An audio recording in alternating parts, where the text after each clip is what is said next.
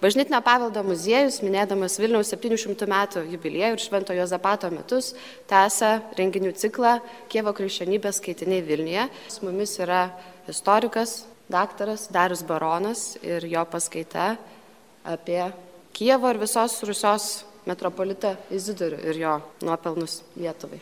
Prašau dar. Sveiki gyvi visi susirinkusieji čia Bažnytinio paveldo muziejuje. Pirmiausia, noriu už tai, kad jį įvyko padėkoti Bažnytinio paveldo muziejui, bet taip pat noriu paminėti ir dvi institucijas, tai yra Lietuvos istorijos institutą ir, ir Lietuvos Respublikos ambasada Italijos Respublikoje, už tai, kad gražaus bendradarbiavimo dėka turėjau galimybę balandžio antroje pusėje nuvykti į Italiją, į Romą ir ten pasirinkti man įdomios medžiagos tiek apie metropolitą Izidorių, tiek apie Šventąją Zapatą Kuncevičių, tiek apie Petrą Arkudijų, kitus žmonės ir kurie nusipelnė, sakykime, Lietuvai ir ne tik Lietuvai. Ir kai kuriomis mintimis tiesiog noriu pasidalinti taip pat su jumis šio vakaro paskaitoje. Antrosios dalies pradžia. Aš e, tiesiog radau vieną tokį seniai rašytą seną straipsnį, gero tokio tėvo jezuito Amono, kuris e, specialiai tyrė tą reikalą dar antrojo pasaulinio karo metais ir vėlgi jis tada išskyrė tokią, tokias tris pagrindinės stovyklas, kurios mums truputį leidžia paaiškinti, vat, kodėl su Izidoriumi buvo elgiamasi taip Lietuvoje, o, o ne kitaip. Ir jis išskiria tokias tris pagrindinės stovyklas, kurias aš skaidrė, skaidrė ir demonstruoju. Tai yra pirmoji pozicija, kurią atstovautų mūsų mielas Vilnius vyskupas Motiejus, tai buvo, kurią pavadinčiau katalikų provincialiai fundamentalistinė pozicija. Antra pozicija tai būtų ekumeniškai atviresnė pozicija, na, pagardinta rytietiškomis mintimis, kaip kunigas Amanas išsireiškia. Tai būtų katalikai, bernardinai, tame tarpe kai kurie Vilnius viskupai vienas kitas, žiūrint visą 15 amžių. Na ir unijai palankiai nusiteikę stačiatikiai, tai būtų Soltonai, Sapiegos, kiti buvo, buvo tokia stovykla, bet tuo metu ji nebuvo toną užduodanti. Na ir stačiatikių promaskvietiška pozicija, kurią nuo 15 pabaigos atstovavo daugiausia Riurikaičių giminiai priklausantis Lietuvoje gyvenę, gyvenę kunigaikščiai. Taigi va tos stovyklos tai ir buvo tie tokie pateikė tam tikrą, tam tikrą mozaikinį vaizdą, kokia tuo metu buvo, buvo Lietuva. Ir kodėl tas vat, katalikų, tas provincialus fundamentalumas yra labai toksai žaidžiantis, nes jis yra toksai dalykas e, keistas. Keistas, aš prie jo dar truputį grįšiu, bet va, tas toksai priešiškumas Izidoriui, kuris pasireiškia tiek prieš Florencijos uniją, tiek po Florencijos unijos, kažkaip tai labai, va, taip, kaip matome, susišaukia, savotiškai susišaukia su tuo, kas tuo metu, kas tuo metu dėjosi, dėjosi dėjosi Maskvoje, kur valdė Vasilijus II, Vytauto Anukas ir uh, Maskvos uh, toksai kaip lyderis bažnyčios uh, Rezanės ir Mūromo vyskupas Jona. Taigi, Nesvetingai sutiktas Lietuvoje, Izidorius toliau keliavo, keliavo iš Vilniaus į Kyivą ir Smolinską kurį laiką apsistojęs, bet svarbiausia, aišku, jam buvo atvykti į Maskvą, kur jau tas buvo, sakykime, didžiausia, galima tikėtis, buvo opozicija bažnytiniai unijai. Ir įžengė, aišku, jūs įsivaizduojate, į, į Maskvą, nešinas su viso procesija, priekia eina latiniškas, latiniškas kryžius, neša regalę savo kardinolo, na tai įsivaizduoti, kas tai, tai maskvienai tai panašiai buvo kaip ir dabar, tokie ksenofobai, galima sakyti. Jiems katalikų bažnyčia taigi buvo eretikų susirinkimas. Ir įsivaizduoti, jis toks Izidoris nebijo, ne, nepabijojo tokią demonstraciją tikėjimo savo, savo tikėjimo rodyti, nes buvo teisėtas metropolitas. Teisėtas metropolitas, pripažintas, pripažintas Konstantinopolio. Ir jie, aišku, patyrė tam, tam, tam, tikrą, na, tam tikrą šoką įžengia į e, švenčiausios mergelės Marijos užmygimo cerkvę ir ten atlieka tą liturgiją, pamini popiežių, popiežių, visi ten šokai, sustyrę, nežino, ką daryti, tik paskui patriarchą Konstantinopolio pamini, visi nežino, ką daryti. Nu ir po kiek laiko Įteikė, taip pat jis įteikė tą bulę, perskaito Florencijos unijos aktą, paskelbė. Čia Maskvoje tokie dalykai dėjosi. Tai čia, nu kaip, žmogus galva savo, paprastai sakant, paprastai, paprastai sakant, rizikavo. Nu, bet Vasilius, Vasilius II taip santūriai reagavo, nebuvo tai Ivanas Žiaurusios vis dėlto. Na ir jį liepė suimti, Izidorių, uždaryti Čiūdovo vienuolyną, sukviečia vyskupus savo maskvieniškus, na ir analizuoja ten, analizuos jie ten tokie, nebuvo ten gerai išslavinę, buvo tokie maždaug fundamentalistai, kaip ir kai kurie čia Lietuvoje katalikų vyskupai, bet buvo labai įsitikinę savo fanatiškų tikrumu ir bandė, bandė nuginčiati Izidorių, kad unija su Romos katalikų bažnyčia tai yra negalima, kad tu čia išdavikas esi stačia tikybės ir panašiai, panašiai. Bet aišku, kad jis savo pozicijos neišsižadėjo, neišsižadėjo, nes jis buvo žmogus net tas, kurį ten galėtų Maskvienai aplink pirštą, aplink pirštą apvinioti ir paskui Ir paskui rugsėjo 15, jau skaitykime, pusę metų tai tos išbandymai Maskvoje, jam buvo sudarytos sąlygos tiesiog pabėgti, nes jie nelabai žinojo daryti. Nužudyti ne, negalima, kažkaip veikti irgi negalima. Nu tai leido jam pabėgti ir tą progą Izidorius pasinaudojo ir per tverę Paskui ten irgi buvo laikinai suimtas, atvyksta į Naugarduką, į Lietuvą. Atrodo, vėl iš Maskvos kančių išėjęs žmogus, vėl čia išskėstom rankom sutiksi. Bet ne, jie Bazilio susirinkimą visi oficialiai priėmė. Feliksą V ten antipopažių priėmė. Viską tai, sakau, skilimas, koks kapitalus buvo taip pačioje ir, ir e, Lenkijos Lietuvos katalikų bažnyčioje. Na, nepaisant to, jis vieną tokį gerą dalyką, nenuilsantis buvo, sakykime, kovotojas, pasižymėjo to, kad kai jau pasiekė Vladi, Vengrijos karalių Vladislavą III, Jogailos, Jogailos sūnų, tai įkalbėjo, įtikino, kad jis paskelbtų dekretą, kuriame, kuriuo sulygina stačiatikių ir, ir katalikų, ir katalikų tai, tai teises. Tas dekretas jis nebuvo pilnai gyventas, lietė jis tik tai tas žemės, kurios buvo Vladislavo III žemės rankose, Lietuvos jis tiesiogiai nelėtė, bet tai vėlgi rodo, kad su Unija taip pat ėjo ir katalikų ir stačiatikių teisų sulyginimas, kas beje iš istorinės perspektyvos žiūrint aiškiai turėjo pasitarnauti ir pasitarnavo vėliau kitomis aplinkybėmis tų pačių valstybių visuomenių integravimui. Na, O maskvienai, ką jiems daryti? Taip, metropolitas, unitas, stačiatikybės išdavikas pagal juos, na tai jie po ilgų ten dviejonių, nes jie vis dėlto tokie tradicionalistai buvo, taip, kaip turi būti viskas, ne, negalima nieko pakeisti, turi viskas kaip, kaip iš tėvų paveldėta, taip ir turi būti, na, po, po tam tikrų dviejonių jie išsirenka, išsirenka savo metropolitu Joną, tą patį Rezanės ir Mūromo vyskupą. Ir čia nuo to laiko prasideda jau toks savarankiškas Rusijos bažnyčios gyvenimas, kaip vadiname autoke, autokefalija. Ir kaip nebūtų keista, kas tuo metu Lietuvoje darosi, taip? Tai yra Rusijos bažnyčia vis tiek meta iššūkį, taip, metropolito, taigi niekas nenušalino, Konstantinopolio patriarchas jį pripažįsta, nes tuo metu pat, patriarchas buvo Mitrofanas ir buvo taip pat palankiai unijai nu, nusiteikęs. Jie negalėjo ten suorganizuoti, kad jis būtų atmestas.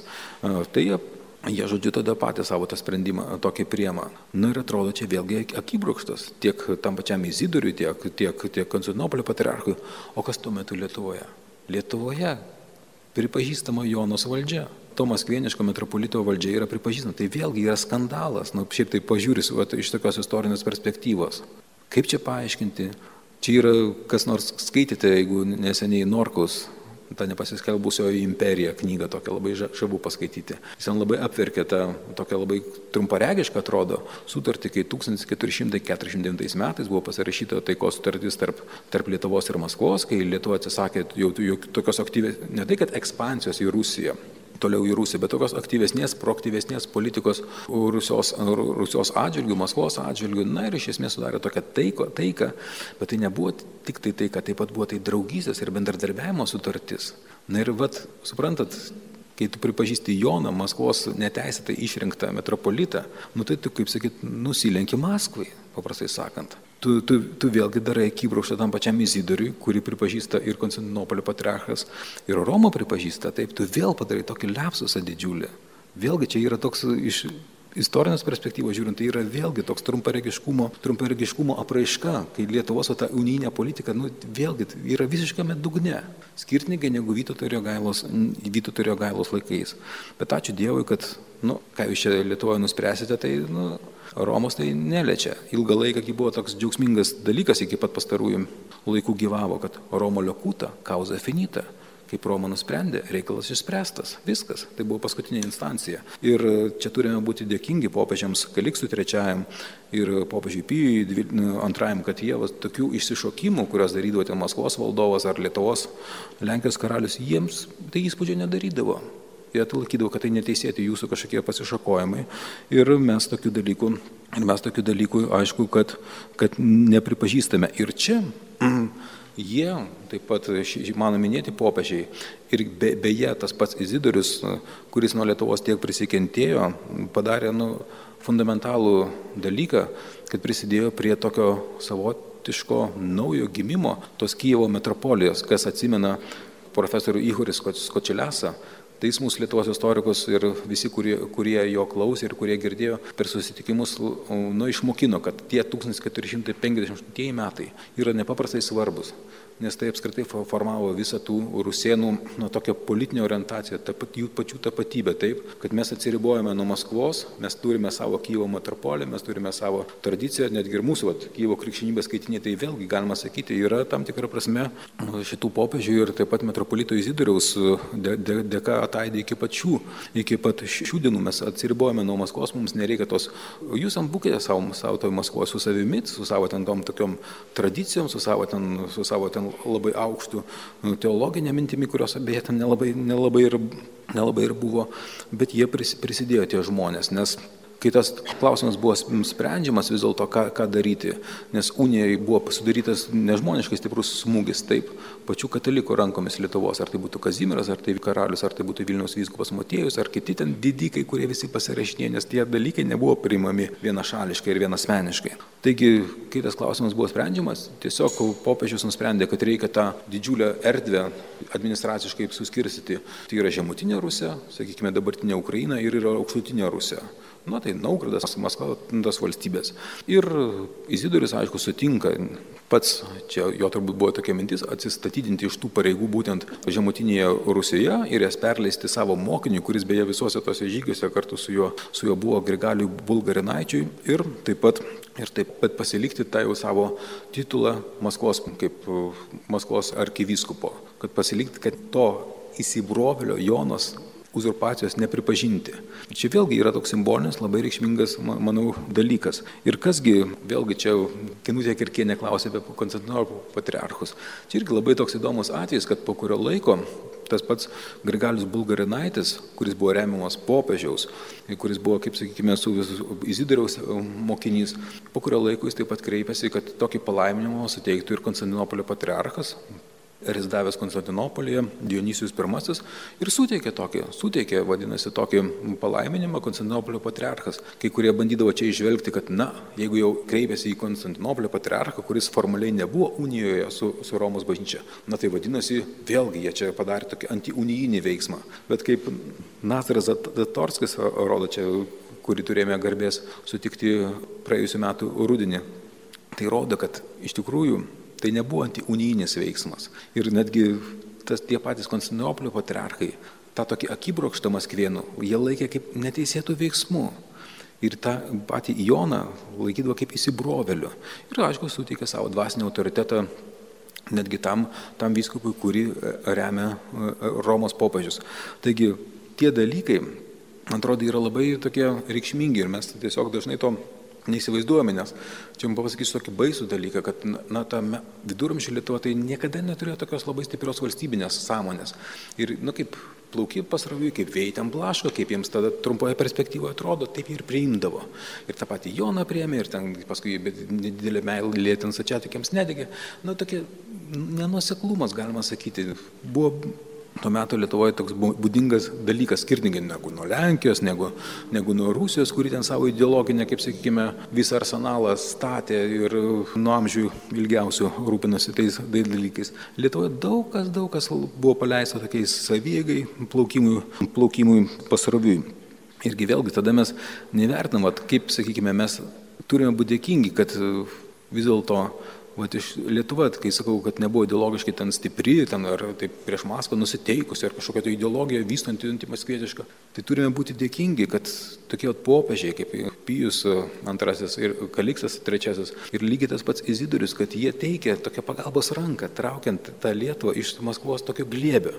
Tai jiems turime būti, būti dėkingi, nes pati Lietuva savo jėgų, nei materialinių, nei, sakykime, intelektualinių, kad išsitraukti iš to Maskvos glėbio ji, ji neturėjo.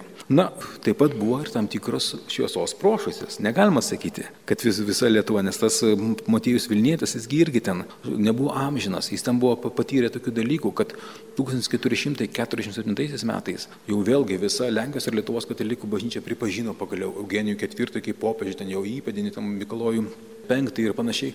Ir jiems tam pasidarė labai jau nepatogu. Taip, jie tada jau sako, mes čia klydome, mes su to bazilio susirinkimu ten nebuvome jau taip susitapatinę, ten visokių, nu, truputį vartėsi iš gaidžių, ten galima sakyti. Tas pats vyskupas, vyskupas Motiejus, kur šį buvo, aišku, nu, tikintis, nuoširdus, uolus katalikas, bet kas liečia tam tikras pažiūras, tai aš jau apie, apie tai esu pasakęs. Bet jis nebuvo amžinas ir po jo mirties vat, atsiranda tokios prošysės, kai gali tas pats Lietuvos Lietuvos katalikai taip pat bendradarbiauti su Izidoriumi. Ir čia ir, ir būtent Vilniaus vyskupo Mikalojaus antrojo šalčininkiečio laikais, kuris atstovauja tą antrą orientaciją, kuri buvo ekumeniškai atviresnė, na ir kuri buvo pagardinta, kaip Amanas sakytų, kai kuriamis rytietiškomis idėjomis, nes jie žiūrėjo palankiau tos pačius stačiatikius, turbūt pripažino ir, ir jų krikšto galiojimą ir, ir, ir kitus dalykus. Ir vėlgi čia yra tokie įdomus dokumentai. Vienas yra paskelbtas, kita Vilnius Pranciškonų bažnyčiai kitą žadų artimiausių metų paskelbti, kuris yra išduotas Izidoriaus atlaidų privilegija Vilnius Pranciškonų bažnyčiai ir Vilnius parapiniai bažnyčiai Mantujos susirinkime. Nes tuo metu jau į tą pabaigą gyvenimo Izidorius tengiasi, na, po Konstantinopolio žlugimo dėti visas pastangas, kad tas Bizantijos sostinė būtų atkovota iš, iš turkų rankų ir ten buvo daug tokių iniciatyvų, ypač pasižymėjo tuo Pijus II organizuodamas kryžiaus žygį beje nesėkmingai. Nes tik jis vienas atvyko, karaliai, kunigaikščiai nesiteikė į, kryžiaus žygį atvykti, popiežius tik atvyko. Tai čia, nu, tokia, to metu Europa buvo tais galima buvo užmėgsti tada jau tokius, e, tokius e, santykius, tai pasitaikė. Ir kitas dalykas, kas ir lietuvių, aišku, ten dalyvavo, kažkas iš Lietuvos, vadinasi, jau su Izidoriu vis tiek mesgė tokius kontaktus, nes vis tiek buvo kardinolas, vis tiek buvo, kaip sakykime, buvo asmenybė, kuri, kuri garsėjo tuo metu visame pasaulyje. Na, aišku, ir taip pat e, tie Izidoriaus nuopelnai išvelgtini taip pat, kad ta pati idėja liko, liko, liko gyva LDK stačiatikių tarp. Ir čia vėlgi Nazaras Zatorski paminėsiu, tiesiog primindamas, kad geriausias liūdimas tai būtų Kyivo metropolito Misaelio laiškas Sikstų ketvirtajam popiežiui adresuotas, kuriame vėlgi jie reiškia savo įsitikinimą, kad reikia dėkti, reikia palaikyti Florencijos, Florencijos uniją, nepaisant to, kad iš Lietuvos katalikų jie paramos nesulaukdavo. Tai čia vėlgi yra toksai, nu, nelabai malonu apie tos dalykus kalbėti, nes mes tą praeitį labai dažnai ir esame linkę, linkę įsivaizduoti. Na, ar galėjo būti, vat, klausiu, vat, kažkaip taip kitaip? Nu, vat, Ar galėjo būti konsteliacija, tiesiog tas jėgų išsidėstymas, veikėjai galbūt galėjo būti kitaip, aišku, kad, kad, kad turbūt galėjo. Ir kai kurių dalykų vat, nu, neišspręsi, taip, tarkime, nu, mums didelė laimė, tai buvo, kad vaduojantis iš Sovietų sąjungos, kad Amerikai vadovavo Reiganas, o, o Romos popiežiaus sostėse sėdėjo Jonas Paulius II. Na tai labai buvo tokia gera konsteliacija. Nežinau, ar kada pasikartotų tokia, bet buvo puiku, kad taip, kad taip sutapo dalykai.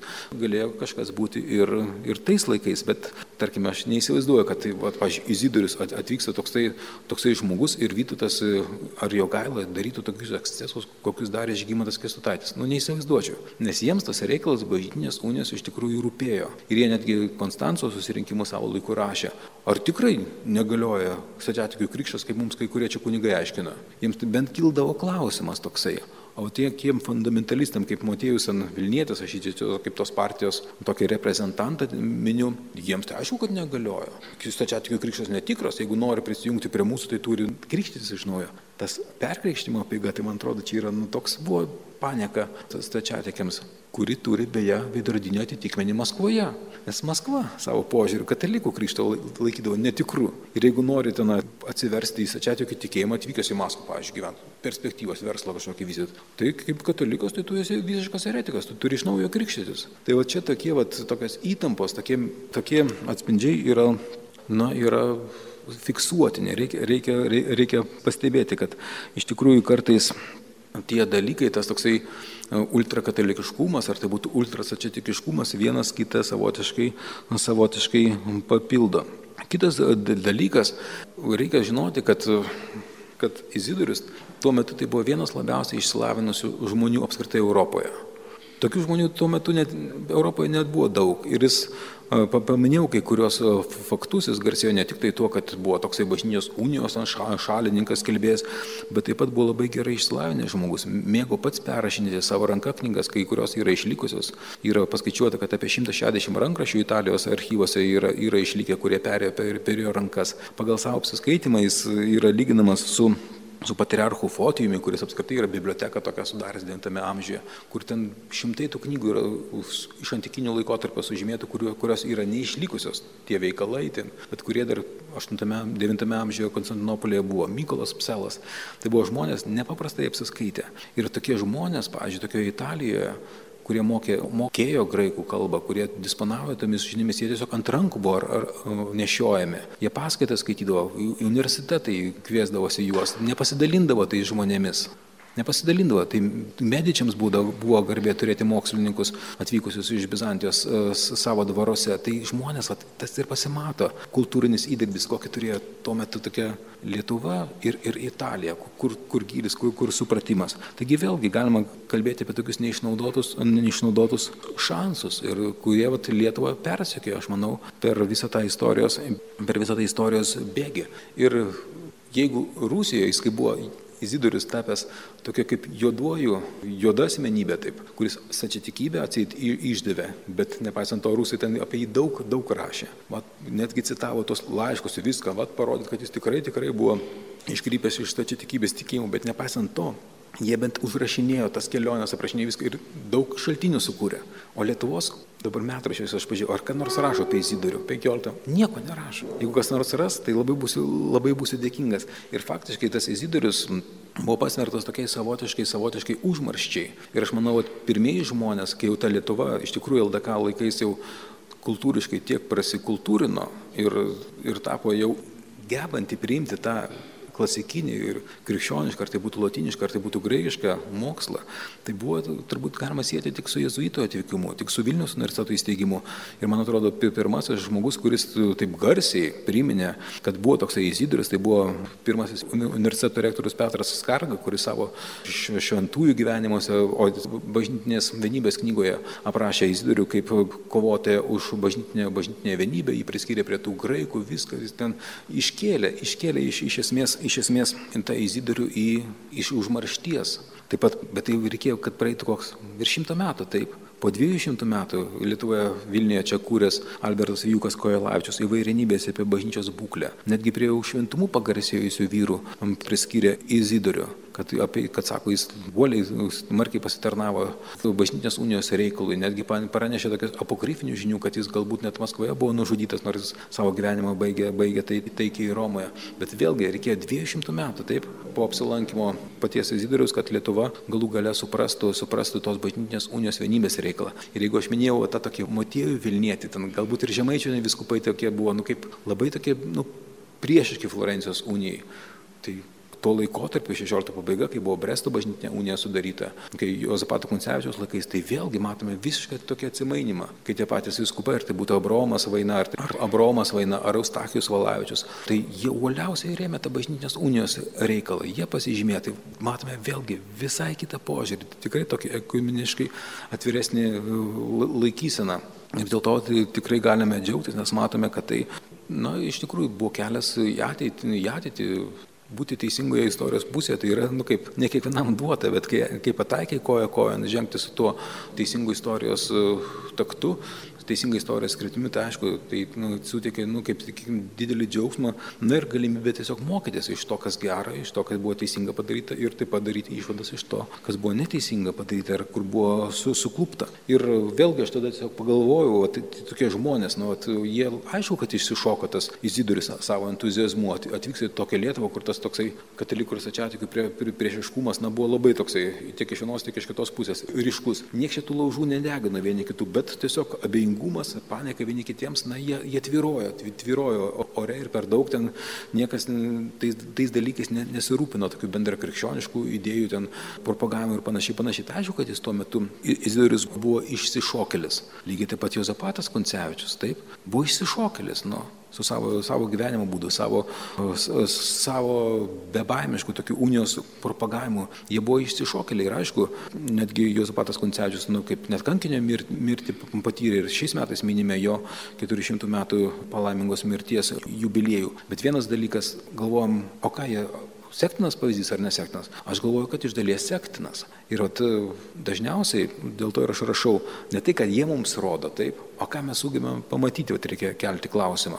Aš tiesiog ruoždamasis paskaitai skaičiau kai kurių istorikų prieš šimtą metų, prieš šimtą trisdešimt metų rašytus tekstus ir at matai, kaip jie galvodavo, kad ta pati bažnyčios unijos reikalas, na tai buvo toksai nereikalingas dalykas, nereikalingas dalykas, nes daug sukėlė problemų, daug buvo triukšmo ir dėl to paties Jozopato Kuncevičius vyko geriau tyliai, leisti Maskvai po truputį ten slinkti savo ten, žodžiu, agentūrą daryti, tai atrodo, lyg tai, tai būtų kelias kitoks, lyg tai viskas tyliau, tyliau padarytum. O kaip Sibirė, taip tyliai, o užgrobė ir kas dabar, į, į ką pavirto tas Sibiras. Čia irgi panašiai viskas būtų, jeigu netokie, jeigu netokie, netokie žmonės būtų čia veikia. Ir, o dabar, vat, kai aš žiūriu, sakykime, po iš šios dienos perspektyvų, aš manau, vat, kad tie tokie kaip Izidorius, kaip, kaip Juozapatas Koncevičius, jie prisidėjo vat, savo veiksmais prie ilgesnėje perspektyvoje, ne savo gyvenimo epochoje, bet man atrodo, ilgesnėje perspektyvoje jie prisidėjo prie tokio, nu kaip susitaikinimo tarp katalikų, tarp katalikų ir stačiatikių. Pažiūrėkit, vat, kokie dabar yra santykiai tarp Konstantinopolio patriarcho ir, ir popiežiaus harmoningi. Harmoningi. Žmonės kalba viena kalba, nors ir nėra ten formaliai sudarę kažkokios tai tokios unijos, ar ten nesikapsus ten praeityje, bet kaip kas turėjo galimybę girdėti, ką, ką patriarchas Baltramijas pirmasis kalbėjo čia kovo mėnesį apsilankęs Vilniuje, tai galėjo pamatyti, kad kokia tai yra vienos dvasios žmonės susitinka. Tu nejauti jokios skirtumo tokio civilizacinio, taip, ar čia katalikas, ar stačiatikas susitinka. Yra tikrai tas bendra krikščioniškos tapatybės pajutimas. Ir Manau, kad prie tos dalyko būtent tokie žmonės labiausiai ir prisidėjo. Kitas dalykas, jų ta veikla, aišku, tiesiog padeda išryškinti, į, į kokią ten dugną moralinį bankrotą yra ta pati Rusijos dabartinė bažnyčia yra pasiekusi. Tai vėlgi parodo, kiek jie yra schizmatikai, kiek jie vadinasi absoliučiai yra moraliai bankrutavę, kai karą prieš Ukrainą ten teisina, aiškina kažką, tai, tai yra visiškas, vadinasi, nupušimas jų, jų pusėje. Ir vėlgi, va, tie, tie dalykai, tokios istorijos pamokos iš tikrųjų mums padeda atskirti grūdus nuo pelų. Už tai aš jums ir dėkoju uždėmesi. Antrosios dalies pabaiga. Jūs girdėjote pasakojimą daktaro Dariaus barono metropolitas Izidorius Rusėnų kardinolas. Ši paskaita buvo skaitoma Bažnytinio paveldo muziejuje Vilniuje minint keturišimtąsias Švento Juozapato Kuncevičiaus kankinystės metinės.